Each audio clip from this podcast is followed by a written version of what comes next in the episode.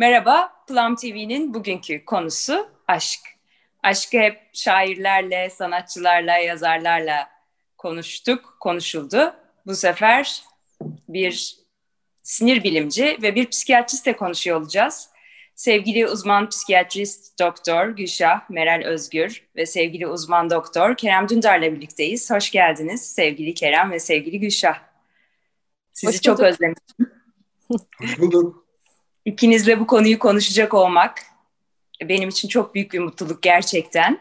Ee, Kerem ilk plan buluşmasında da vardı aslında. Orada da aşkı ve beyni anlattı. Ama şimdi bir psikiyatriste bunun sohbetini dört gözle bekliyorum. Şimdi yayın başında konuştuğumuz gibi sözü önce Gülşah'a vermek istiyorum. Gülşah'cığım nedir aşk? Beyinde nasıl yaşanıyor bu olay? Hastalık mı? E, aşk tabii önce e, bir heyecan, bir tutku, sevgi, bağlanma, ihtiras yani yüzlerce aslında duyguyu sayabileceğimiz e, bir kavram. Ama ben önce gerçek aşkın bir tanımını yapmak istiyorum. Gerçekten aşk, aşık olmak ne demek? E, aslında gerçekten aşık olmak e, kişinin başka birine, bir nesneye aşık olarak kendisiyle ilgili bir hakikate ulaşmaya e, çalışmasının sağlanması. Böyle bir araç var aslında. Yani bir şekilde ben kimim sorusunun saklı olduğu kişiye aşık oluyor insan. Ya da ben kimim sorusunun cevabını alabileceği kişiye aşık oluyor.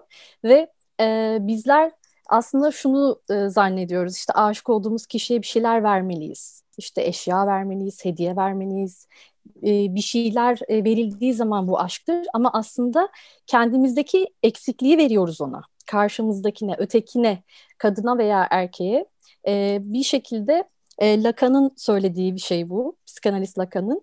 aşık olmak sizde bulunmayanı vermektir diyor. Hmm.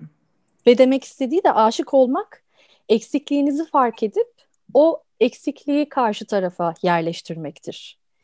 Bu yüzden de bu biraz da e, Freud'un bir zamanlar söylediği gibi hani iyi diş edilmeyi gerektirir. Yani kendi eksikliğini ve hadım edilmişliğini belki belki e, hatalarıyla kendini kabul edip e, bunu bu şekilde karşı tarafa aktarmak demektir. Çünkü eksik olduğunu fark ettiği zaman o eksikliği karşıdakiyle tamamlıyor. Yani diyor ki ben e, sana ihtiyaç duyuyorum, e, sensiz yaşayamıyorum veya sana bağlandım ve bu eksikliği fark ettiği zaman e, biraz da e, yalnızca biraz feminenlen, feminenleşmiş oluyor gibi bir tavır var orada. E, bunu tabii duyanlar aa diyecek şimdi erkeklerin e, aşık olması imkansız mı? E, aslında e, bakıldığı zaman kadınlar bu sebepten dolayı daha kolay aşık oluyorlar diyebiliriz. Nasıl yani? Ne sebepten dolayı orayı bir pekiştirilme ihtiyacı hissettim. Kadınlar daha kolay aşık oluyor dedi Gülşah. Bize öyle bir bilgi gelmedi diyerek ben hemen bu cinsiyetçi tarafa bir yorum yapmak istiyorum ama yani, ben de merak ettim. Bu tabii işin biraz da e, psikanalitik açıklaması. Yani e, nörobiyolojik açıklamaya girdiğimiz zaman işin çok da öyle olmadığı ortaya çıkıyor ama psikanalitik e, açıklamada e, bu tavır yani eksikliğini karşı tarafa ifade edebilmek ve ben sana ihtiyaç duyuyorum ve eksiğim diyebilmek e, biraz da e, özü itibariyle feminen bir e, yaklaşım deniyor. E, o yüzden de aşkın bir erkekte biraz da daha doğrusu romantik aşkın biraz da böyle komik durması e, bundan kaynaklanıyor diye söylüyor Lacan. Kerem Hoca? Söz Lacan'a katılıyorum diye başlamak isterdim ama tabii Lacan daha psikiyatrik tarafta. Gülşah buradayken benim o o tarafı ona bırakmam daha keyifli bence. Çok da güzel anlattı. Tabii şimdi bu çok duygu odaklı bir şey anlatılınca aslına bakarsanız, çok duygudan köken alan bir şey alınca çok dürtüyle de karışabilir bir şey aslına bakarsanız. Yani bizim duygularımız çok eski kimliğimiz. Tanımlarken de eski. Öyle olunca bu psikodinamik yaklaşımlar işte belki de bunu çok çocuklukla, çocukluk ilişki kurma tarzıyla bağlanmayla eksikliğini fark edip, o varoluşsal eksikliğini fark edip işte kadınların bunu daha iyi fark etti değil mi? Eksik işte kadının cinsel organını fark etmesi ve erkeğin fark etmesi. Sonra da birinin sürekli hayat boyu cebine bir performans anksiyetesi koyması. Öbürünün de aslına bakarsanız bir eksiğinin olduğunu kabul edip belki daha keyifli bir hayat sürmesi. Yani o manada ben de kadın tarafındaki algının daha geniş olduğunu düşünüyorum. Ve e, dişi beyin erkek beyin diyen çok anlatılır. doğrusu yanlışı spekülasyon olduğuna dair de bir sürü şey var ama bana hala mantıklı geliyor bir sinir bilimci olarak. Süreç odaklı ve sonuç odaklı beyinler diye ayırdığımızda yani insanları kadın ve erkek diye değil de süreci değerli bulanlar ve sonucu değerli bulanlar diye ayırdığımızda süreci değerli bulanlar için aşk daha keyifli bir şey de olabilir. Yani keyif verici bir şey olmak zorunda değil, totali, tecrübenin totali keyifli bir deneyime dönüşebilir. Sonuç odaklı insanlar için sürdürülebilirliği sorgulanacağından, sürekli başka sonuçlarla karşılaştırmalar yaşanacağından, belki de gerçekten erkeklerde fazla o sonuç odaklı beyin, belki gerçekten erkekler hiçbir koşulda kadınlar kadar kendi bırakamıyor olabilir. Ama bir de şöyle bir şey var, hangisi daha hızlı aşık oluyor derseniz. Kendine, şıp sevdilik diyorsun. güzel, harika şıp sevdilik diyelim ona. Kendini aşka düşmek lafı var ya bence bizim bu bizde de varmış belki de eskiden bu laf ama şimdi aşık oldum, aşık oldum. Ee, hani aşık oldum, bende bir şey oldu mesela hasta oldum gibi. Terminolojik olarak da belki yanlış kullanıyoruz. Aşk öyle orada bulunu verme eylemiyle daha iyi tanımlanan bir şey senin etrafını sarmasıyla daha iyi tanımlanan bir şey. Yani sendeki bozukluğun hasıl olması gibi değil de o yüzden dilimiz de bunu karşılamada eksik kalıyor diye düşünüyorum. Gülşah'ın söylediklerinden not aldım ve çok eğlendim. Bu arada Gülşah diyeceğim çünkü benim Gülşah çok eski bir dostum. Yani e, çok teşekkür ediyorum bizi bir araya getirdiğin için. Öğrenciliğimiz birlikte geçti. Yani Gülhane'de okuduk ikimiz de ve sonrasında da hep işte o temaslarda hep o Gülşah mesela yani eskiden beri değil mi? Senin o farklı geniş bakış açın mesela buna da yansımış. Ve çok duygu yüklü. Belki de bir psikiyatrist tarafından algılanmasında bana da hemen o geçti. Oysa aşkı birkaç farklı biyolojik e, parçaya bölebiliriz. Bizim tarafı ben öyle bir toparlayayım isterim. Bir kere aşkın bilgisel bir tarafı var. Yani biz bunu duygu olarak tanımladığımızda duygunun söze dökülmesi insanlığın belki majör patolojisinin sebebidir. Duygunun söze dökülmesiyle ilgili bir ifade edemeyiş tarafımız var. Duygu kimliğimizi ortaya çıkaramayışımız. Çünkü bu duyguları tecrübe ettiğimiz dönemle dil gelişim dönemi arasındaki korelasyon probleminden oluyor. Yani biz duyguları en yoğun yaşadığımız, belki de en saf yaşadığımız dönemleri sözel olarak ifade edebildiğimiz dönemlerle örtüştüremiyoruz. Yani ben 3 yaşında ne kadar çok iyi hissetmiştim kendimi falan diyemiyoruz. Ama o his orada duruyor. Aynı şekilde negatifi de duruyor.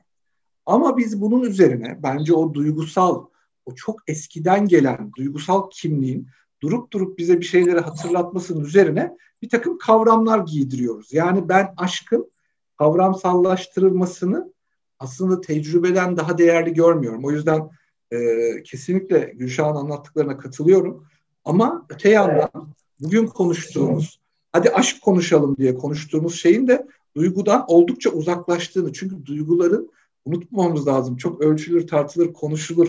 İnsanların insana farklarını göz ardı ettiğinizde değerini yitirecek tarafını da es geçme riskimiz var. Yani o yüzden biz bazı insanların eğer aşkı böyle çok kavramsal görürse bazı insan aşkını hiç tahayyül edemeyiz. Bunun neyine aşık oldun deriz mesela. Ya da bu adam nasıl aşık oldu? Nasıl aşk ya bu falan diyebiliriz. Oradaki o indirgemeci yaklaşım duyguları tasavvur edemeyip onu bilgiyle izah etmemizden kaynaklanıyor.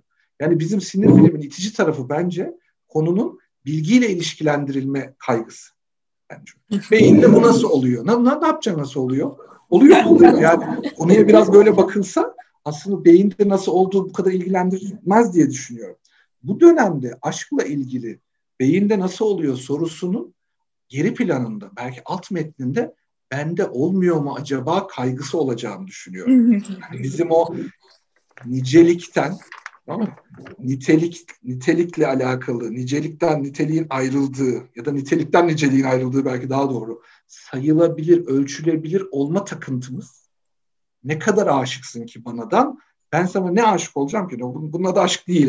Anladın Bunun adı aşk değil. Yaşadığımız duyguları validasyon ihtiyacımız var. Bence o yüzden aşk batıya gittikçe tadı kaçan bir şey. Anladınız mı? Yani aşk aslında doğuda ve farkındaysanız çok doğuya gidince aşk aslında bir insanın insana duyacağı hissin de ötesine taşıyor. Yani o duygunun tecrübesi o kadar ağırlaşıyor, büyüyor ki artık bu bir insan insan ilişkisiyle kıyaslanabilir ya da onun üzerine inşa edilebilir bir şeyin ötesine geçiyor. Ama batıya doğru gittikçe işte ne kadar aşıksın ölçelim. Hani o dergilerdeki ankette sizi gerçekten seviyorlar mı? Veya da işte aşkın ömrü ne kadar? gerçek aşkın bu tip sorularla muhatap edilmemesi gerektiğini düşünüyorum. Ve bu tip soruları olası gerçek aşk ihtimalini de ortadan kaldırdığını düşünüyorum. Yani bu kanıta dayalı bir şey olmak zorunda değil. Belki yanıta dayalı bir şey olmasıyla yetinebilmemiz gerekirdi. Sanırım orada bir sapma var. Çünkü bunun gerekçesini söylemek lazım. Hani buna haksızlık etmeyeceğim. Çünkü kanıtın da bir gerekçesi var. Kanıt bulmaya çalışmanın. Yani kanıt pek çok şeyi gerekçelendiriyor ama çünkü aşkın bir de davranışsal tarafı var. Yani aşkın davranışsal tarafı aslında ortada aşk diye bir parantez olmasa yani o davranışlar koruma altına alınmasa fütursuzluk, özensizlik, serkeşlik, kendini bilmezlik falan gibi aslında hiçbir bir takım davranışlarla çok çok eşleşilebilir farkındaysanız. Yani, herkesi boş verip bir kişiyi önemsiyorsun. Anan, baban sana bakım vermişler, etrafın, vatandaş ülkeyi terk edip dinden çıkıyor falan. E bu bunları meşrulaştırdığım için değil, kültürde çok önemli olduğunu düşündüğümüz şeylerin birden bir gerekçeyle terk edilebilmesi. Yani o kadar da güçlü bir şey. Bu kadar güçlü bir şeyin kontrolsüz olması fikri tahammül edilebilir değil bence. O yüzden de aşkın o davranışsal patolojik taraflarıyla ilgili bir takım kısıtlamalar getirildi. Öyle zannediyorum ki bu dünyada, modern dünyada aşkı yaşamakta çok zorlanıyoruz bu yüzden. Çünkü bir takım kavramlar, bir takım ölçütler ve bir takım kısıtlamalar başlı başına aşkın varlığına, daha doğuşuna, daha ortaya çıkışına ya da sürdürülecekse bunun desteklenmesine çok ciddi engel. Belki bu tarafı da birazcık daha genişletebilir. Gülşah çok daha iyi açıklar. Bir de tabii yani şimdi aşk dediğiniz şey de insan hayatında bir kavram ve içinde yaşadığı toplumdan, zamanın ruhundan tamamen bağımsızlaşabilir demek de mümkün değil. Biyolojinin bir de böyle bir tarafı var. Yani biyoloji işlevselliği öğrenen, işlevsellik bizim için öğrenilmesi gereken bir şey. Ama sahip olunma fikri dürtüsel. Yani biz bir şeye sahip olmayı dürtüsel olarak isteriz. Yani şurada bir şey veriyoruz desek izleyicilerimize var, bana da ver der. İşine yarayacak mı, yaramayacak mı? Alacağım başına bir iş mi gelecek mesela? Anladınız mı? Bunu hiç bunu hiç düşünmeksizin sahip olmak ister. Onu etkin kullanır. Mesela kitap veriyoruz diyelim. Şimdi bizi izleyenlere kitap verdik hediye. Bunun kaçı bu kitabı okuyor sorusunun yanıtı çok net. Değil mi yani? Türkiye'de yedi kişi bir kitap yıllık. O yüzden o yedi kişiyi bulup hani bir tane kitapı aralarında çevirmelerini sağlamak lazım. Öyle baktığınızda, öyle baktığınızda arkadaşlar, şimdi burada biz çok amaç odaklı, çok sonuç odaklı, değerleri terk edip çok eder odaklı. Şu yüzyılda aşkı da o uhrevi tarafıyla bizi hani alıp götürecek tarafıyla yaşıyoruz dersek e, ben o dünyayı tanımıyorum. Yani öyle bir yer olabileceğini tahmin etmiyorum. Çünkü davranışlarımız patern içermek zorunda. Yani insanlar nasıl yemek yiyorlarsa, nasıl konuşuyorlarsa, nasıl birlikte oluyorlarsa ilişkilerinde, nasıl sevişiyorlarsa, nasıl anlatıyorlarsa gibi davranışlara şöyle bir hani bir azıcık uzaktan bakın, azıcık bu konuda bir tecrübeniz olsun. Bunların çok üst üste bindiğini fark edersiniz. Efendim şurada çok ketum ama gece birden kabak çiçeği gibi açılıyor falan öyle biri görülmedi diye düşünüyorum. Gülşah bu konuları benden çok daha hakim. E, cinsel terapiyi de yoğun olarak kullandığını bildiğim için baktığınızda o paternler davranışın o temellendiği zamanın ruhunun üzerinde aşkın da çok manipüle edildiğini, o yüzden e, konuştuğumuz aşkın belki de işte en son e, değil mi Shakespeare'in yazılarında o da oldu mu olmadı mı belli değil. Daha bugün sabah gene bir makale vardı Shakespeare yaşadı mı gerçekten diye. Kancalayacağımız bir tane yer var. Ya. ya da azıcık geriye gidersek değil mi? İnsan insanın ötesinde ilahi aşk ya da işte evrene aşk diyelim daha büyük bir güçle arandaki o iletişimi keşfetmek. Ben oyum o ben gibi hani bu tip şeylerin içselleştirilebilecek kadar içe sindirildiği durumlar bizim coğrafyamızda yaşanmışken bugün tabii daha sonuç odaklı, daha davranış odaklı, daha çıkar odaklı bir şeylere aşk deme ihtimalimiz de çok absürt değil. Çünkü içinde yaşadığı topluma insan benziyor. Yani herhalde ilk girizgahı da ben benim taraftan böyle bir yapmış olayım. Ee, ben de merak ediyorum. Yani Gülşah'ın buna yorumları ne olacak? Ben de notlarımı alıyorum bir yandan. Evet. Ee, Şöyle ikinizinkini birleşti. Pardon Gülşah.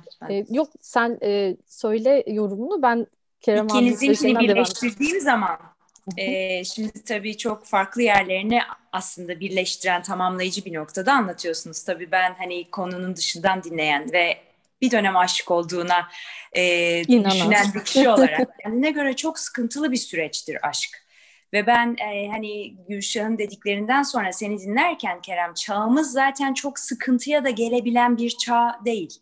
Yani aşk insanı yakar gerçekten hani o aşk yanmaktır onlar doğru kelimeler. Çünkü insan o e, Gülşah'ın anlattığı ben kimimi bulurken o ta kilometrelerce uzaktaki orada bir şeylere katlanması gerekecek onun veya onu yaşaması gerekecek ama onu yaşamayı kaç kişi göze alabiliyor ki? Yani sıkıntılıdır. Love Actually diye bir film vardı. Love Actually. Evet. Orada ufak bir oğlan vardı. Annesini kaybediyor ve böyle çok kötü üvey babası yani ama babası yani biyolojik babası değil ama babası endişeleniyor. Bir gün işte oturuyorlar Thames'in kenarında diyor ki ya senin neyin var diyor. Hani çok şey gözüküyorsun odana giremiyorum kapın kapalı suratına sık. Diyor ki aşık oldum ben diyor ufacık bir oğlan. Oh diyor adam rahat diyor dönüyor diyor ki böyle ciddi bir suratla sen diyor aşık olmanın acısından daha ağır bir şey biliyor musun diyor. Yani bence aşkı bu kadar güzel tanımlayan hani annesini kaybetmiş çocuk diyor ki ben yanıyorum burada mahvolmuşum. E, agony of love der hatta orada kelime olarak da. E, şimdi lafı Gülşah'a vermek istiyorum sözü. Lütfen Gülşah devam et. Evet bir ara e, Kerem abinin söylediklerinde şey yakaladım. E, o zaman niye aşık olmuyor bazı insanlar gibi. Niye aşık olunamıyor gibi. İşte o da benim o ilk girizgahta bahsettiğim hani aslında kendi eksikliğini fark ediyor kişi. E, onsuz olamadığını fark ediyor. Onunla belki tamamlandığını veya ona bağlandığını, ona ihtiyaç duyduğunu, onu özlediğini fark ediyor ve bunu itiraf edebilmek orada da senin de dediğin gibi zor bir şey. E, ve eğer kişi kendini çok mükemmel, çok tamam, çok böyle eksiksiz e, zannediyorsa o zaman da işte bunu itiraf edip de aşık olamıyor. Yani biraz da narsist e, yapı dediğimiz işte o kişilik karaktere sahip insanlar kendi mükemmelliği içerisinde başka birinden bunları alma ihtiyacı olduğunu itiraf edemiyor. Ve aşk da baltalanıyor gibi bir şey var orada. Peki kendisi Tam buraya bir şey sorabilir miyim? Pardon. Tabii. Pardon. Sor, Sen sor. Yok, Narsistlerin aşka bakışı aşık olamıyorlar diye mi açıklanır? Aşklarını ifade edemiyorlar diye mi açıklanır? Çünkü narsizmin bir kılıf olduğunu içeride kendi içinde evet. eksik eksikliklerini ifade edemiyorlar. Kesinlikle. aslında onların aşka daha çok ihtiyacı var. Benzer çıkıyor acaba e, ifade problemi. Evet. Benzer doğru. bir şey soracaktım yani aslında e, barınıyor. Yani engel yani onu yokmuş engel gibi mi yapıyor? Engel oluyor. Evet. İnkarında yaşıyor aslında. İnkarında Belki yaşıyor. Daha Ama bir yere gitmiyor. Yani İnkarında yaşıyor çok hoşmuş. Evet. Evet. Evet. İnkarında yaşıyor. E, dolayısıyla da işte hani kimler e, olamıyor da olamadığını zannediyor dersek biraz da e, bu tanımlama daha açıklayıcı olabilir diye düşünüyorum. Peki şu Sonra... inkarında yaşıyor, inkarında yaşıyor. Bir kez ben aşık olmuştum, bir daha olamam. O da acaba ilişkinin narsistik tarafı mı oluyor? Bir ilişkiyi çok kutsamak, ondan sonra da inkar ettiği kısımda kaçak kaçak yaşamak. Hiçbir zaman o eski ilişkinin büyüsünü, tadını bir şekilde hani artık orada nasıl bir şeyden besleniyorsa bozmamak adına artık insan bir kere aşık oldum dediğinde o register olduğunda ve onaylandığında ondan sonra hep inkarında mı yaşıyor acaba? De o var bak ben çok ilginç geldi şimdi siz konuşurken. Ee, olabilir Özür ama dedi ya ben de... bir kere aşık oldum diye. Bir kere aşık olmuşum. Bir daha aşık olmayacak mı? Hayır olabilirim belki bilmiyorum. Şu ana kadar Hani Milyonlar izliyor bizi özür yani. Olabilir mi diyeyim şimdi tabii. Çok ilginç bir şey. Harika çok güzel. Yorumlara Sonra evet. celibate oldum zaten artık olmayacağım. Celibacy'ye evet. geçtim. Dalaylama Yok, bu, bu, tabii şaka bir yana senin, senin söyleminden aklıma geldi. E çünkü Hı-hı. bu çok yaygın bir şeydir. O eski aşk diye o anılarımda bir şekilde konumladığım, çıkarmadığınız bir ilişki sevimli kalır anılarımızda. Ve anılarında öyle kalan o ilişkiyi, o ilişkiyi Ondan sonra yeni yaşadığınız ilişkilere referans nasıl tayin edebilirsiniz? Çünkü bütün kendi benliğiniz değişmiş. Aşka bakış değişmiş, aşka algı değişmiş. Burada aşkın sen de çok güzel söyledin. Bizden kaynaklı bir şey, sonradan bize geri dönen bir şey olduğunu düşününce hani benden çıkmış bana geri geliyor. Değil mi? Bir yansıyacak yüzeyi bulmuş. Bu da meşhur bir laf biliyorsunuz. Ee, Proust'un şiiri galiba ya da Proust'un açıklaması. Aşk senden çıkıp yansıyacak bir yüzey bulduktan sonra sana geri döndüğünde senden çıktığını unuttuğun şeydir diye bir açıklama yapıyor. Tabii burada edebiyat biraz daha güçlü belki hepimizden. Ama baktığınızda sendeki değişikliklerin aşka dair de bir sürü şey değiştireceğini unutmamak lazım. O bir kere aşık olurum mitini de burada bir ele alsak hiç fena olmaz. Belki bir sürü insanı bir sıkıntıdan kurtarmış oluruz. Böyle toplumsal vaziyeti olur bu işin. Ben, bizim ben söyleyince aklıma olduğunu, geldi açıkçası. Ben bizim elimizde olduğunu düşünmüyorum aşık olmanın. Yani evet, şöyle da, bir şey olduğunu bu da öbür soru olsun. Ben. Bizim elimizde olduğunu düşünmüyorum diyor. Bu da öbür soru olsun. Ben çok güzel aşık olurum diyen adam yalan mı söylüyor acaba? Ben bir kere olurum demedim. Oldum dedim. Olabiliriz gene. Olmayacak. İnşallah oluruz yani. Güzel bir şey çünkü çok. Biraz acıtıcı ama olsun yani değer. İnsan böyle hakikaten yaşıyormuş gibi hissediyor kendini. Şey... Moderatörü araya alıp tedavi ediyormuşuz böyle. Ha, aynen öyle ya. Bak Kerem güzel. benim bunların bak Az kalsın. Meğer Özüm bizi bundan çağırıyormuş Gülşah'cığım. Yani randevu alamadığı için bir türlü. Hani gelin konuşalım deyip araya aradan. Değil Yok Ali Közbay sağ olsun her gün dinliyor Şaka. beni. Sen merak etme. O Şaka seninle yapıyorsun. aynı kafa zaten. Şaka yapıyorsun evet yani doğru söylüyorsun. Bugün dedim ki baba dedim ben biz dedim Kerem'le babamı da çok ay, Kerem'i de çok seviyor Gülşah. Çok sağ olsun. Gülşah'la ve Kerem'le dedim aşk konuşacağız. Ne aşk senin fikrin ne? Valla ben bilmiyorum aşk ne gerçekten bilmiyorum dedi. Şu anda ifadesi yüzümün önüne geldi. O kadar doğal söylemiştir ki hakikaten o esnada aşkla ilgili bir hipotezin varsa kucağında kalır böyle. Öyle gibi Aynen kalır yani. Öyle yani. insanı soğutur. Ben buna niye böyle tutkuyla bağlandım? Şimdi tam o tahmin ediyorum. İkna edici bir ifadeyle söylemiştir. Ben nereden Aslında ben şöyle hissettim. E, bu hani konuştuğumuz şeyler vardı ya Kerem senin de bahsettiğin ilk başta. O kadar şartlanıyoruz ki, o kadar hani öyle bir çağda yaşıyoruz ki hani aşk eskiden doğuda nasıl yaşanılıyor? Şimdi batıya gidince mesela şöyle ben sana söyleyeyim. Kızların çıktıklarını düşün biriyle. Bir sevgilisi var. Mesela soruyor birisi geliyordu şunu yaptı mı, bunu yaptı mı, şunu yaptı mı? Mesela diyorsun ki hayır, e, aşık değil o zaman sana. Bitti. Anlatabiliyor muyum? O kadar teknikte giden bir şekilde yaşanıyor ki maalesef aşk. Halbuki görmezsin, duymazsın hani görmeden sevmek, görmeden görmek, kalbinde taşımak. Güzel, güzel. Yani bence doğru yol. Doğru yoldan yürüyoruz. Ya şu doğudaki şeyi bir açıklayalım. Şimdi bir kere orada tabii kaygıyı şöyle değerlendirin. Şimdi burada arkadaşlar insanlık olarak her konuda aydınlandıkta bir aşk kusur kalmadı. Bizim ilişkilerle ilgili bir sürü problemimiz var kere güven problemimiz var. Tamam mı? Yani şimdi orada sorgulanan şey milletin aşık olup olmadığı değil ki. Aşkla ne? Yani hatta orada aşka sıra geldi mi acaba? Orada çünkü sorgulanan şey güven. Bir, çocuğuna güvenmiyorsun. Hata yapar diye. Değil mi? Orada bir korumacı tavır var. Bir de karşı tarafa güvenmiyorsun. Suistimal eder diye. O niye suistimal edecek? Çocuğun aklına da güvenmiyorsun çünkü hala bak. Onlar bir de birbirini tetikliyor böyle. Oradaki sorgu aslında oradaki olası ilişkinin geleceğine dair bir validasyon yani bir doğrulama isteği. Bu ağır kültürlerde yapılması gereken bir şey. Tavsiye ettiğim bir şey değil. Anlamlandırdığım hiç bir şey değil. Ben insanların bu şekilde yaşamasını öyle, zannediyorum. 16 yaşından beri uygun bulmuyorum. Yani daha üniversiteye girmeden. İnsanların kendi hayatına dair bir takım kararları alabilmesi, zihnine güvenmesi, deneye deneye, yanıya, yanına yanına da bu hayatın içinde olgunlaşması taraftarıyım. Aşkı yolculuğun herhangi bir eyleminden taşırmak da bence insanların bu ikili ilişkiyle ilgili ağır saplantılarından da kaynaklanıyor. Baktığınızda aşk modern insan için zannettiğimiz kadar önemli mi onu da bilmiyorum ben. Neden biliyor musunuz? Çünkü düşünsene eskiden bir laf vardı. E, çok öbes bir laf ama Anadolu'da söylenirdi. Zengin parasıyla oynar, fakir eşiyle oynar, karısıyla oynar denirdi. Duymuşsunuzdur yani Anadolu deyişi.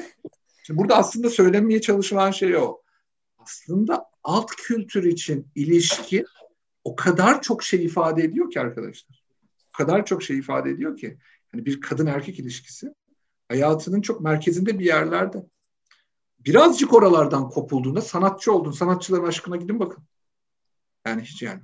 Tutarsızlıklar. Çok fazla dürtü var. Çok fazla arzu var.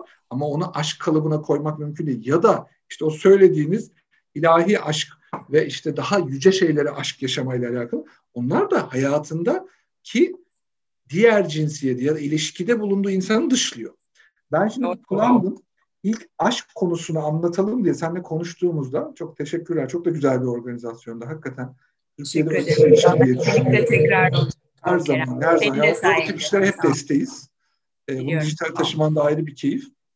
Şimdi ben e, Gülşah tabii ön, önünü anlatayım Gülşah da onu şey yap. Şimdi bana aşk anlat. Şimdi aşık beyin, işte kadın erkek beyni falan bu çok konvansiyonel bir işte. O kadar da bir yoğunum ki hani resmen plan bu bir yerden uçakla geldim apar topa sabah bir yerde konuşmaya uçakla geldik sahneye çıktık. Uçakla gitti sonra. Ondan sonra ertesi gün başka yerde konuşmamız var. Nihayetinde ama tabii yani bu şimdi konular kafaları kafamızda demleniyor.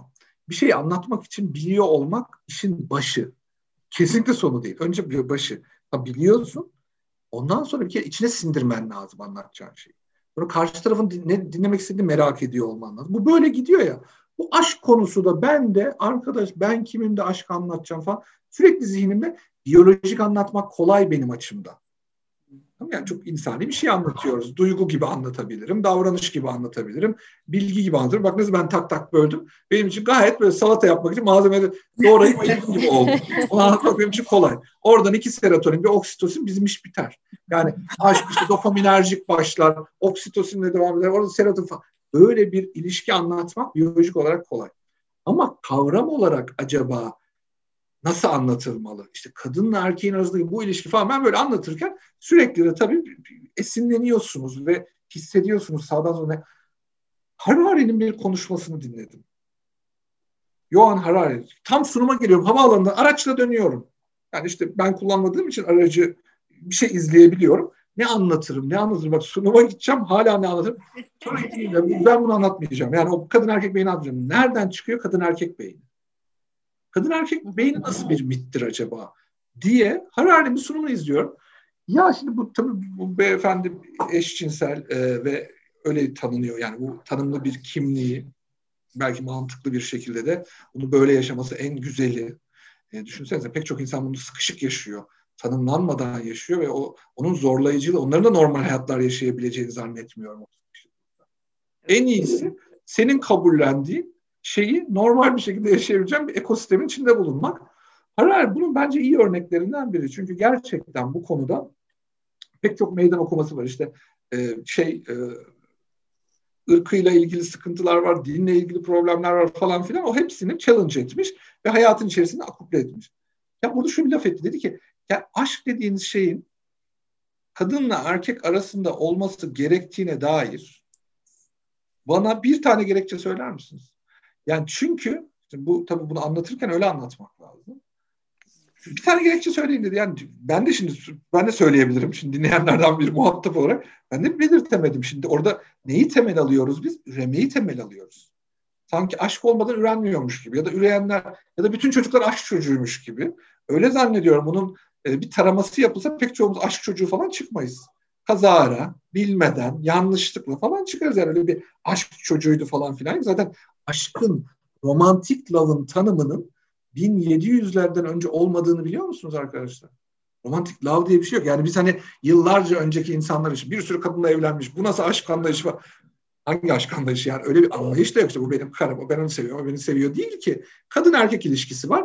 Kadın erkek ilişkisinin aslında biraz da o ilişkiyi sadakate çevirmek için aşk baktığınızda aşk bir serbest duyguymuş kadın erkek ilişkisinin sadakatini güçlendirmek adına oraya tutsak edilmiş gibi geldi bana.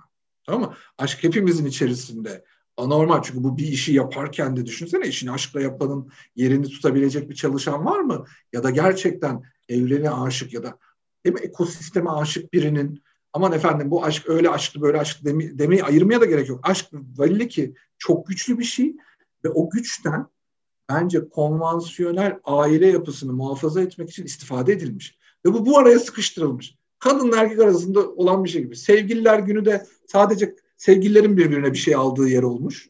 Ya ne oldu öbür aşklar?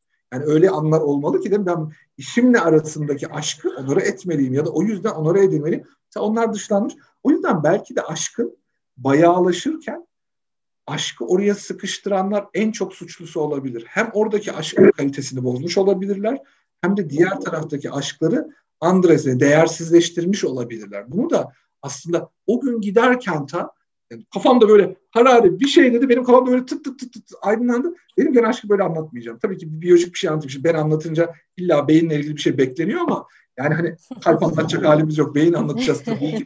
Ama öte yandan baktığınızda öte yandan baktığınızda konunun insanın çok güçlü bir tarafı olduğunu ve bunu insanda işlemenin ilişkide işlemekten daha kıymetli olduğunu düşünüyorum. Biz genelde aşkı ilişki bağlamında inceleyip orada aslında kısıtlıyoruz. Mutlaka orada bir yansıması var ve o çok kıymetli. Ama öte yandan baktığında burada o bireysellikle alakalı bir tarafı da var. Ve ben açıkçası MES'in yani en yaygın kitlenin bu konvansiyonel aşk tanımından kültürel olarak yeterince istifade edebildiğini ama öte yandan bunu seküler bir şekilde ya ben bu klasik söylemlerin dışında bir şey yapacağım diyenler için henüz bilgi birikiminin de oluşmadığını yani onların aslında ne yapacağını çok bilemediğini buna benzete benzete işte onu sevgilim gibi seviyorum ben falan demek zorunda kaldığını metafor zenginliğinin oluşmadığını öyle olunca hem zihinsel düzeyde güdük kaldığımızı hem de uygulama bazında yaratıcı davranamadığımızı da gözlemliyorum. Yani bir miktarda bu taraftan ele almak lazım. Tabii ki insan odaklı ve ilişki odaklı kısmı bir parçasıdır. Öyle zannediyorum ki her geçen gün o parça azalacak arkadaşlar. Bugün gittiğimiz dünya seküler ve bireysel dünya olduğu için o tarafta kaygısını yaşadığımız şeyler gelişmenin bir gerekçesi, bir sonucu hatta bir yöntemi bile olabilir. Bunu da unutmamak lazım. Onu da belki ekleyelim. Ben burada birazcık e, Gülşah'a bu konularla ilgili o taraftan bakış açısını bir sormayı da çok isterim yani. Çok da merak ettim açıkçası. Sen bunları anlatınca e, abi aklımda beliren şey şu oldu. Aslında psikanalitik anlamda her insan e, biseksüeldir e, cümlesi aklıma geldi. Ve ilişkide aslında... Doğrudur deyip iyice infial yaratıyorum. Ama ben bunu hep söylerim. Arkadaşlarım bilir benim. ben Şimdi arkadaşlarım değil YouTube'daki herkes biliyor. evet. Umarım bunun kalan kısmındaki Onlar benim arkadaşlarım. Gerekçeli bir şekilde savunabiliriz. ya, ya bence bu yaklaşım, ya bu yaklaşım her geçen gün şey. belirginleşecek. Çok doğru söylüyorsun. Evet. Lütfen evet, oradan böyle olmak başka bir şey. Bunu yaşamak başka bir şey zaten. Veya canının bunu çekmesi apayrı bir şey şimdi. Yaşantılamak başka bir şey. Ha, ya da zaten hani şey gibi o çekirdeklerin bazen evet. bazılarının aktive olması, diğerinin e, sönük kalması şimdi, gibi. Şimdi bak, ama, ama şimdi bak ne güzel gidiyordunuz. Şimdi burada bozdunuz arkadaşlar. Şimdi ne yaptınız? Bakın. Önce kavramsal olarak saygı duyuyorum ben sana ama ben öyle değilim demek.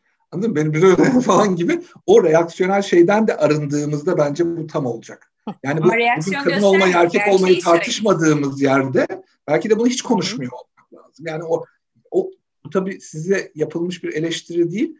Tam tersine bu zihinlerimizin ilerlerken nasıl takıldığının bir göstergesi. Zihin nasıl patinaj yapıyor? Bilse de bakın hemen uyum sağlayamıyor. Bilse de bir şey olmayacağını bilse de korkuyor. O taraftan belki de e, yaklaşalım diye söyledim hani bu söylediğim. Evet. Yani aslında zaten şey ilişkide evet. e, aşkı yaşayabilmek için zaten homofobik olmamak gerekiyor. Yani homoseksüel olduğunun farkında olmak bir taraftan da ya da biseksüel olduğunun farkında olmak değil de homofobik olmamak gerekiyor gibi bir şey var. Çünkü homofobik... Bir sürü erkek diyor ki biz ondan yaşayamıyoruz demek ki. Homofobi sürüyor mu? Homofobi derinleşiyor harikaymış. Çok güzel. Çok enteresan çok ya. Gerçekten çok yani ilginç geldi bana. Nasıl Gülşah? Bu çok değişik bir Şöyle, nokta. Şöyle karşındakinin duygularını ve hislerini anlayabilmek için biraz da e, o cinsiyete dair de bir şeyler hissedebiliyor ve etkileşim yani empati kurabiliyor. İşte ayna nöronlardan da biraz e, orada girecek olursak e, daha iyi anlayabilmesini sağlıyor. Aşkı daha iyi yaşayabilmesini sağlıyor. Ama homofobik olduğu zaman biraz daha burada e, ketleniyor gibi bir durum var. Aşkı yaşarken ketleniyor. Peki aşkı yaşamakla cinsiyetini yaşamak arasında o zaman çok belirgin bir fark var. Aşk demek Kesinlikle. ki daha insani tarafla alakalı bir şey. Yani insan tarafına erişmeden aşkı yaşamak çok kolay değil. Öbür tarafta cinsiyet ve onun getirdiği ilişki tarzını yaşamak gibi bir şey oluyor demek ki. Belki o evet. cinsiyet bağlamından kurtulmak için o hani o homofobik olmayalım, hepimiz bir evet. biraz kabul edelim gibi şeyler belki de mantıklı. Doğru çok Şimdi enteresan bu, gerçekten. Bugün konuyu kafamda döndürürken ben de hani bakmadım bir yere artık hani aşk aşk aşk biliyoruz okuyoruz hani şey tabii ki bilim kısmı gibi bilmiyorum da uzmanlarımız konuşacak nasıl olsa diye. Ben işin hani öteki tarafındayım. Dedim ki aşk hani biraz önce Kerem sen söylerken onu düşündüm. Ona benzer bir şey söyledin çünkü hani şimdi söylediğin de zaten aynı fikirdeyim. Aşk insanın kendi içinde yaşadığı bir şey aslında. Ve Gülşah'ın ilk verdiği tanımlama da ve senin Proust'tan verdiğin örnek yani yansıyıp kendine dönmesi. Bir de mesela biraz önce ilişkiyi konuşurken hep mesela başkasından teyit beklemek var. Karşı tar mesela ilişkiye girdiğimiz zaman biriyle mesela aşıksın. Çok güzel. İçin söyler aslında sana o ilişkide net bir şekilde yani içinle diyaloğun iyiyse söyler o kişiyle olan ilişkin nasıl ne hissediyorsun. Fakat öyle bir sistemin içine giriyoruz ki aradı ha demek ki aşık. Aramadı hayır aşık değil. Yani o aşk hakikaten nasıl diyeyim doğru kelime ne olur? Yani aşkın ulviliğine, asaletine, güzelliğine uygun bir yapıdan çıkıyor. Böyle sanki onu eğip büken bir aletin içine girip orada işte şunu yaptı çek, bunu yapmadı çek. Orada aşk kalmıyormuş gibime geliyor.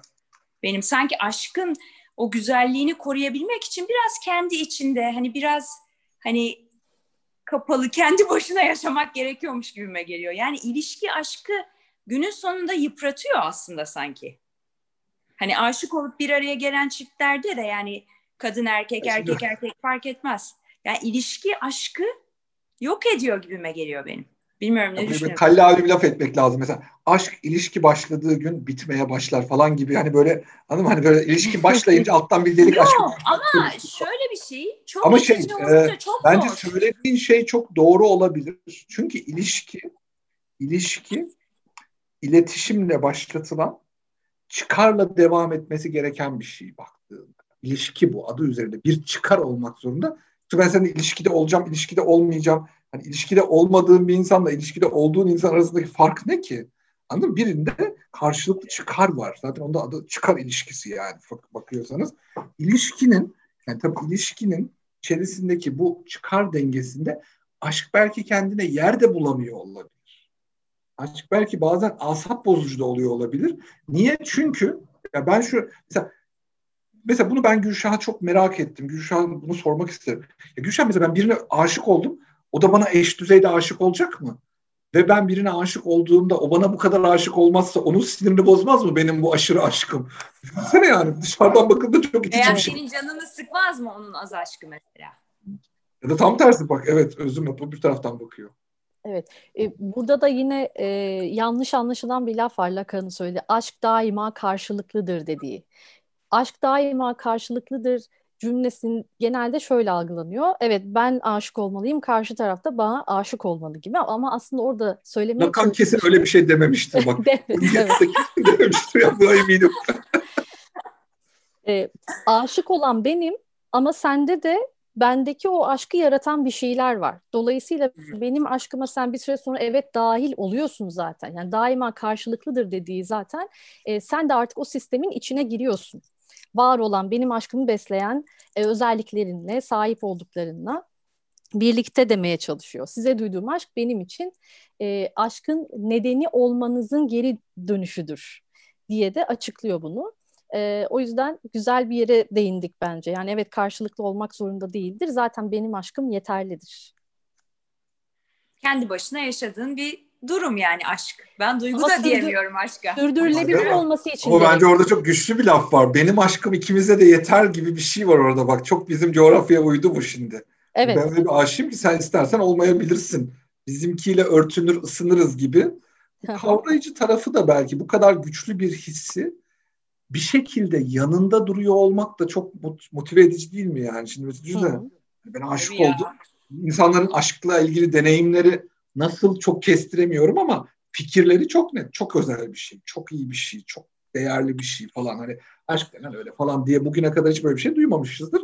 Belki o takımın bir üyesi olmaya dair o beklenti de bunu eğip büken şeylerden biri olabilir. Yani ilişki içerisinde özümün söylediği çok enteresan. Aşık olalım mı peki Gülşah? Olalım. Her sene olalım. Bence bizim mesajım özgürlükte programı bitirelim. Aşık olalım. Uzman doktor dedik her sene olalım. Yani. Çok harika Yani şöyle bu e, ilkbahar geldiğinde o ilkbaharda doğa canlanırken aslında hepimizin de içinde böyle bir şeyler uyanıyor gibi oluyor ve ben her e, sene e, eşime bazen bunu diyorum ya yeniden aşık etsene kendine. Yani yeniden o hissi yaşamak istiyorum çünkü o çok güzel bir duygu. E, o yüzden hemen altını çiziyorum. Bak hemen aşık etsene dedi. Tabii öyle de duydum. evet, evet. sabahtan beri aşk içinde sen aşık o adama yansıdı falan. Beni kendine tekrar aşık etsene diyor. Ne kadar bak bak farkındasın. Evet. Tabii tabii şey öyle. Çok ee, güzel. Ben kusura bakma. Yani bir hastanın sana sorduğu gibi soruyorum tabii ki ki. Kes, lig taraftan da çok güzel gözlemleyelim sayende. Aynen öyle. Zaten işte hani biz e, söylerken bazı şeyleri, bazı dinamikler ve teorik e, açıklamalar üzerinden söylüyoruz ama kendi yaşantımızda yaşantılarken e, bizim de hani dilimiz gidiyor e, ve hani aslında evet orada yine söylemeye çalıştığım şey o duyguyu yaşamak istiyorum ama bunu böyle mizansenle e, yeniden aşık et. Yani bu senin e, sorumluluğun gibi söylüyorum ama evet duygular ve e, o coşkulu hal e, çok güzel bir e, hal e, ama bunu tabii vücut aslında kriz gibi algılıyor. Yani bir stres var, bir kriz e, ortamı var. Hatta o yüzden işte girmeyeceğiz dedik ama e, biyolojik değişimlerde kortizol de salgılanıyor değil mi? Yani aslında bir kriz hali var. E, ve dolayısıyla hani vücut için de aslında o yabancı bir şey ve e, hani büyük bir şey, bir stres kaynağı. Zorlayıcı Zaten, bir şey. Evet zorlayıcı Ama tabii şey. orada bir sürü şey oluyor. Belki biyolojik olarak girdiğin için e, oraya hemen söyleyeyim. Şimdi bir kere anksiyete sebebi. Tamam mı? Şimdi bir kere kontrol kaybı bir. Kontrol kaybı bizim için hiç kabul edilebilir bir şey değil. Çünkü yani düşünsene sonun ne olacağını bilmiyoruz. Evet. Kahraman olabiliriz belki ama hani güncel söylemiyle. İkincisi neofobik bir durum. Yani yeniyle ilgili bir temas var. Yeni bir şeye temas ediyorsun. Tanımlanma ile ilgili bir kaygı yaratıyor tabii bu da. Evet. Biz kay- tanımlamadığımızda çok ciddi kaygılanıyoruz. Orada tabii adrenalin salgılamamız anormal değil. Biz orada salgılanan adrenalinin vereceği mesajdan çok yarattığı davranışla aşk beni daha kudretli yaptığı gibi bir şey hissediyor olabiliriz. Belki bu da bir yanılsama. Yani o korkulardan beslenen bir şeye dönüşüyor. Serotonin böyle... azaldığı için aslında. Serotonin azalıyor. O yüzden de kaygı artıyor. Hatta böyle bir obsesif, kompulsif, böyle takıntılı, Öyle derler. Başı obsesyon şey derler. Evet. Evet, evet. Başı obsesyon, Başı obsesyon. sonra kompulsyon. Ondan sonra yavaş yavaş değil mi? İçselleştirme. Peki evet. aslında az önceki konuyu biraz daha irdeleyelim mi? Tarafına Hı-hı. böyle güzel girdik ama Hı-hı. dili gidiyor insanın dedin ya. Hı-hı. Dili gidince zihni de gider insanın. Devamını getireyim. Zihni giderse eninde sonunda kendi de gider. Yani şimdi. Peki aşk bu kadar güçlü bir şeyse aldatma neden o kadar kötü bir şey? E, bu da aşık oldu gitti. Yani şimdi bu al, ev yani mevcuttaki eşine çok aşıktı ve yeni biri girdi hayatına kötü kadın bu aşkı bozdu falan gibi ya da kötü adam bu aşkı bozdu ya da dediğim gibi daha interseks bir sürü konuda çeşitlenebilir.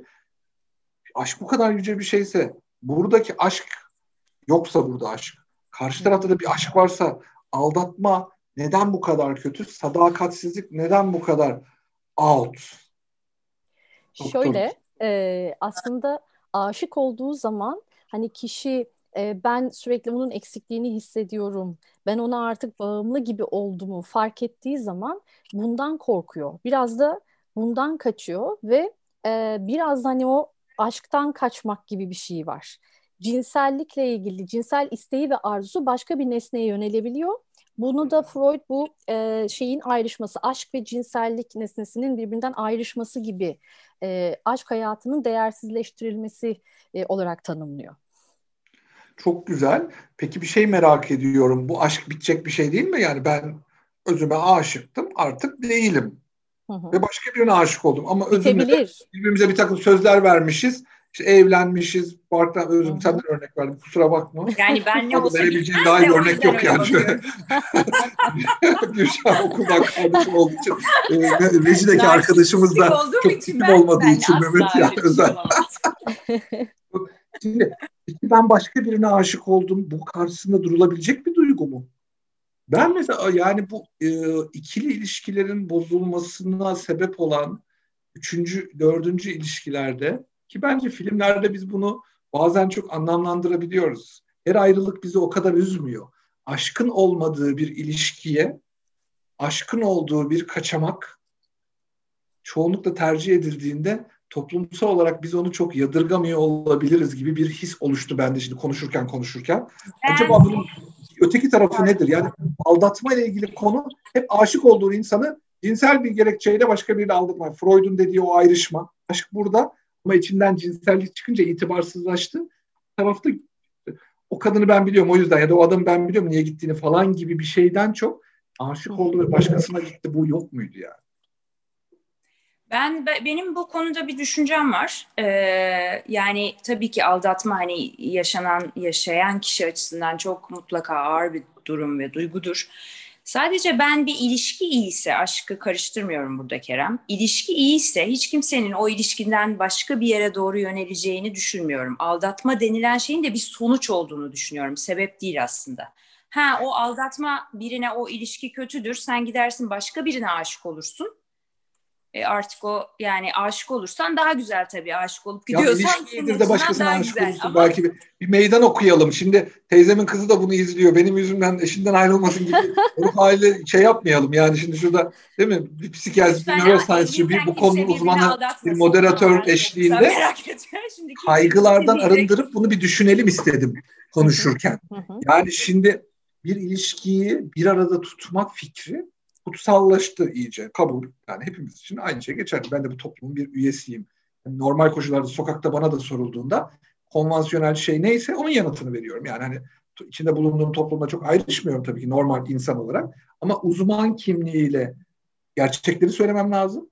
O da ikincisi. Yaratıcı taraf, meraklı tarafımla da ya bu gerçekler bu kadar gerçek mi? Savunduğumuz bu kutsallar bu kadar kutsal mı ya da sürdürülebilir mi bu kutsallığı? Önemsel mi diye de sorgulamak lazım. O da insanın yaratıcı kimliği değil mi? Hani o sorgulayan kimliği. Şimdi size o yüzden soruyorum. Yani e, ya bazı insan tabii bunun toplumsal tarafı çok güdük olduğu için yani git aşkına sarıl, bırakma vesaire diyemeyeceğimiz için toplumsal olarak çoğunlukla biz bunu dizilerde, filmlerde falan sanki böyle hepimiz küçük küçük kıpraşıyoruz. Yani çok iyi, her şey çok iyi gidiyor. Her şey çok yolunda. Havada bulut romanı gibi. Acayip bir memursun, çocuğun var, çoluğun var. Ondan sonra adam gidiyor bir tane gece kulübü diyelim işte artık o zamanki adı neyse bir kadına aşık oluyor ve her şeyini kaybediyor. Ondan sonra diyor ki kardeşim sen neden yaptın? Çok güzel kokuyordu diyor. Tabii ki burada koku duyusunun tutsak alışından değil onun üzerine kurguladığı bir aşktan yola çıkarak öbür tarafa meydan okuma cesareti az önce söyledik patolojik bir sürü çıkışı var düzen bozmaya yönelik bir sürü davranış kalıbı var aşkın yaşandığı ortamda. Neden o sadakat aşkla bir mühürlensin, bir daha da o mühür bozulmasın gibi hepimizin bir temel dürtüsü var. Bu aşk bu kadar güçlüyse gün gelip başkasına aşık olunduğunda o cesareti ortaya koymak sizce çok mu abes? Şu konuştuklarımız çerçevesinde bugüne kadar bunu çok düşünmemiştim açıkçası. Konuşunca aklıma geldi. Çok mu abes bir şey yani? Başkasına aşık olmuş. Yani bu alan acaba yaratılsa evlilik bütünlüğüne karşı çok büyük bir meydan okuma olacağı için acaba evlilikleri probleme mi sokar? Yoksa evliliğini o tutsak ne olursa olsun burada kalmak zorundayım. Başkasına aşık olmamalıyım. Olamam. Velev ki o tarafa doğru gidiyorum. Hemen arkamı dönüp bu tarafa gitmeliyim. Hissi yaratan, belki de gerçekten bir sürü fırsatı göz ardı etmesine sebep olan ya da bir şeyin içine sıkışması gereken o ruh halinden insanı kurtarır mı? Bu konuda bir rahatlama, konuyu bir de bu gözle görebilme. Ben birazcık Gülşah'ın o konudaki tecrübesini de merak ediyorum. Çünkü öyle zannediyorum ki işte üçüncü şanslar, aldatmalar, ayrılıklar vesaire bununla ilgili çok tecrübem var. Acaba o tarafta ne olur Gülşah? Yani biz niye buna bir patern değişikliği yapıp da kardeşim aşıksan falan hani yani aşıksan devam edebilirsin. Sanki bir kere karısına aşık olacak ondan sonra şiir yazabilir, kitap okuyabilir. Hani varsa bir aşk onu oralarda tüketsin falan. Olacak mı illa? Öyle olmak zorunda mı? Hakikaten merak ettim sana sormak istedim. Evet şimdi aldatma kelimesini biz genel olarak çift terapisinde çok sevmiyoruz. Ne diyoruz işte ilişki dışı ilişki, bir kişinin çoklu ilişkisi e, veya ekstramarital evliyse e, çiftler e, ilişki diye tanımlıyoruz. Ekstra, Neden burada ekstramarital, marital ee, Manita'dan mı geliyor? Manita yok. çok çok hakikaten bilmiyorum. İlk defa duydum. Marital evlilik. Manita ilişkisi. Ma- marital evlilik dışı demek evet. o. Evet, ha, evlilik dışı evet, ama, güzel, ama şey Türkçe olarak ben da biz bunu... maritalmiş o. Ben marital anladım da Allah Allah niye böyle seksist bir şeymiş. Ee, evet, terminolojide de kullanıyoruz hani Türkçe olarak ekstra marital ilişki şeklinde marital, evet. kullanıyoruz. Ee, o yüzden de hani... Aldatmayı niye kullanmıyorsunuz sence? Çünkü e, şöyle... E, Travmatik bir kelime. Aldatma evet e, beraberinde geri planında başka şeyleri de çağrıştırıyor. Kandırma e, da var. Zaten aslında evet e, aldatmada işte kandırma var, yalan söyleme yalan var, var. E, bana haksızlık etti var, ben bunu hak etmedim var. Gelindiğinde çünkü bu şey ortaya çıkıp da e, ilişki dışı ilişki e, hep bu suçlamalar yapılıyor. Ama senin dediğin yere geliyoruz aslında. E, biz biraz da birinin evliyken de veya bir ilişkinin içerisindeyken de aşık olabilirliğine dair böyle bir tanımlama değişikliği yapmaya çalışıyoruz. Çünkü o insan da sıkışmış hissediyor kendisini. Tabii, Var olan tam, bir tam. ilişki var e, ama orada da bir aşk hissettiği e, duygu hissettiği başka bir nesne var, öteki nesne var ve bu arada sıkışmış hissediyor. E, ben e, çift terapisti eğitimi Murat Dokur hocadan aldığım için e, o bize bu konuyu daha iyi anlayabilmemiz için e, Vanilla and Chocolate diye bir film vardır, onu izletir. E, orada da e, bir çift var, üç çocuk var, evde köpek var. E, adam e, gazeteci veya hani öyle hani sürekli seyahat eden bir işi olan bir adam. Kadın da e, aslında piyanist ama çocukların sorumluluğunu almış. Onları e, evin sorumluluğunda çekip çeviren bir kadın ve adamın böyle e, ekstramarital ilişkileri oluyor. E, ve kadın aslında bunları bi, bilmekle ve şüphelenmekle birlikte bir şekilde sürdürüyor evliliği ama bir gün e, bir yerde piyano çalarken e, bir ressam, genç, e, yakışıklı bir ressam kadına aşık oluyor. Ve onu çok zorluyor. Hani onunla aşk yaşamak için, onunla ilişki yaşamak için. E, kadın direniyor, direniyor ve bir gün yine e, iş seyahatindeyken kocası telefon ettiğinde otelde yine başka bir kadın açıyor. Ve sonra ressama telefon edip e, havuz başında öpüştükleri bir sahnede hoca durdurup şimdi kim kimi aldattı e, arkadaşlar diye sorduğunda hepimiz böyle ağzımız açık e, yorum yapmaya çalışır bir halde bulmuştuk kendimizi. Hani burada hani kimin ki tam olarak aldatma, e, kim başlattı bunu? Yani böyle bir yerde biz çırpınırsak hani patinaj çekmek gibi sürekli çamurda e, diyoruz. O yüzden hani biz biraz daha sonuca odaklanıp e, tek tek görüşmede de gerçekten bu bir aşk mı biraz da anlamaya çalışıyoruz.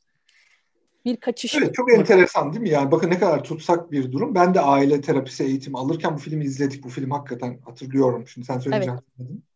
Ee, aile terapisi eğitiminde bu, bu konuyu konuştuğumuz, bu konu etik bir probleme dönüştüğü için etik problemlerin net cevapları olmuyor arkadaşlar. Yani sen söylerken tekrar düşündüm ben. Etik bir problemin olasılıkları oluyor, ihtimalleri oluyor. Evet. Ve farkındaysan muhtemelen demek ki orada öyle bir çıkmaz da var. Ekstra marital bir ilişkiye ilişkinin yanında ekstra bir marriage gibi de bakılabilir. Yani öteki taraftan bakıldığında konu kim kimi aldatıyor ve neden aldatıyor da hani o birden o ilişki demek ki biz hala bakın şurada şöyle bir sıkıntımız var. Şimdi ben e, dinlerken bugün çok öğrenme günümdeyim. Özel sizden öğreniyorum sürekli. O zaman biz hala aşkın olduğu tarafta bir ilişki kurulması gibi değişik de bir şeyiz. Yani ilişki gibi bilişsel olması gereken baktığında. İlişki ne demek? Alışveriş dedik değil mi? Yani sen alacaksın ben vereceğim. Şimdi özüm ne kadar sevine, severse sevsin, aşkından ölsün. Şartlar, koşullar, yapılanmalar bilmem neler uyuşmadığında bir ilişkinin de gitmediğini tecrübe etmiştir. Sen zaten uzman olarak yani hani onun bireysel tecrübeleriyle katkılarından dolayı onu söylüyorum. Şimdi o taraftaki şartların uygunluğu tamam mı? O tarafta bir ilişkiyi olgunlaştıracak bir sürü şartın olması gerekirken buna temel teşkil etmesi gereken, buna çıkış noktası olarak var olması gereken şeyi aşk gibi kontrolsüz bir duyguyla da başlatmaya çalışıyoruz. Şimdi burada acaba bizim ilişkilere dair yaşadığımız bir paradoks yok mu? Yani şöyle karşıdan bakıldığında düşünsene biz hala aşkı onuyoruz. Eğer bir evliliğim varsa, şimdi az önce söylediğimin tam tersini söylüyorum ama biraz sohbet alalım diyoruz. Eğer bir evliliğim varsa ama başka birine gerçekten aşıksa, Hatta bunu psikiyatristin önünde itiraf edebilip onun da onayını aldıysan gibi tabii biraz da karikatürize diyorsun ya bireysel görüşmelerde bunun gerçekliğini sorguluyoruz diye. Ben de aynısını yaparım bu arada. Kesinlikle insan sonuçlarına katlanıp katlanamayacağı falan tartar. Sonra da insanın kendi kararına özgür olduğu gibi bir gerekçeyle onu bırakırım yani. Ben de böyle. Yani bütün süreçlerimde hep böyle bakarım konuya. Ve baktığımızda bambaşka bir şeye dönüyor. Biz hala aşkı ilişkiden önemli hale getiriyoruz. Ama neme lazım ki o aşkında bir ilişkiye temel olmasını beklemek gibi hani uslanmaz bir romantik tavrımız da var. Bu kendi başına bir paradoks değil mi? Yani insanın hakikaten şimdi siz anlatırken fark ettim. Aza koysan almıyor, çoğa koysan da olmuyor. Bir de aşkın şu temasları, temasın yarattığı ihtimalleri güncel dünyada o ihtimaller içerisinde sarhoşluğumuzu da hesaba katarsanız Hani ben tekrar düşünsene yani şimdi Gülşah tabii bizi de izliyordur şimdi eşin. Gülşah şimdi bir söyledi iki söyledi. Her bahar her bahar kadın diyeyim adamı hatırlatsın. Bak yine bahar geldi. Baharda şey meşgul tutacağız bir şey belli. Her hafta program yaparım ben. Sen merak etme. Bence konunun bu tarafı çok heyecan verici bir tarafa doğru gidiyor. Biz ben hiç böyle görmemiştim arkadaşlar bu akşam. Ben ufak bir şey söylemek istiyorum yalnız. Şimdi bence evlilikle ilişkiyi ayırmamız lazım burada konuşurken. Bilmiyorum ne dersiniz ama çünkü e, her evlenen aşık olup evlenmiyor. Bir yani öyle bir gerçek var. Her ilişki yaşayan aşık, aşık olup mu ilişki yaşıyor? Ben onu eh, aynı aynı şekilde her ilişki yaşayan evet. da aşık olup yaşıyor. Bence evlilikle ilişkiyi yan yana koyup aşkı bunlardan ayırırsak ilişkiyle evlilik arasında çok büyük fark olmaz yani devlet onayı dışında. Şimdi her ilişkisi olan da evlenmiyor. Ve Öyle mesela bence ben, Evet ben mesela şöyle düşünüyorum.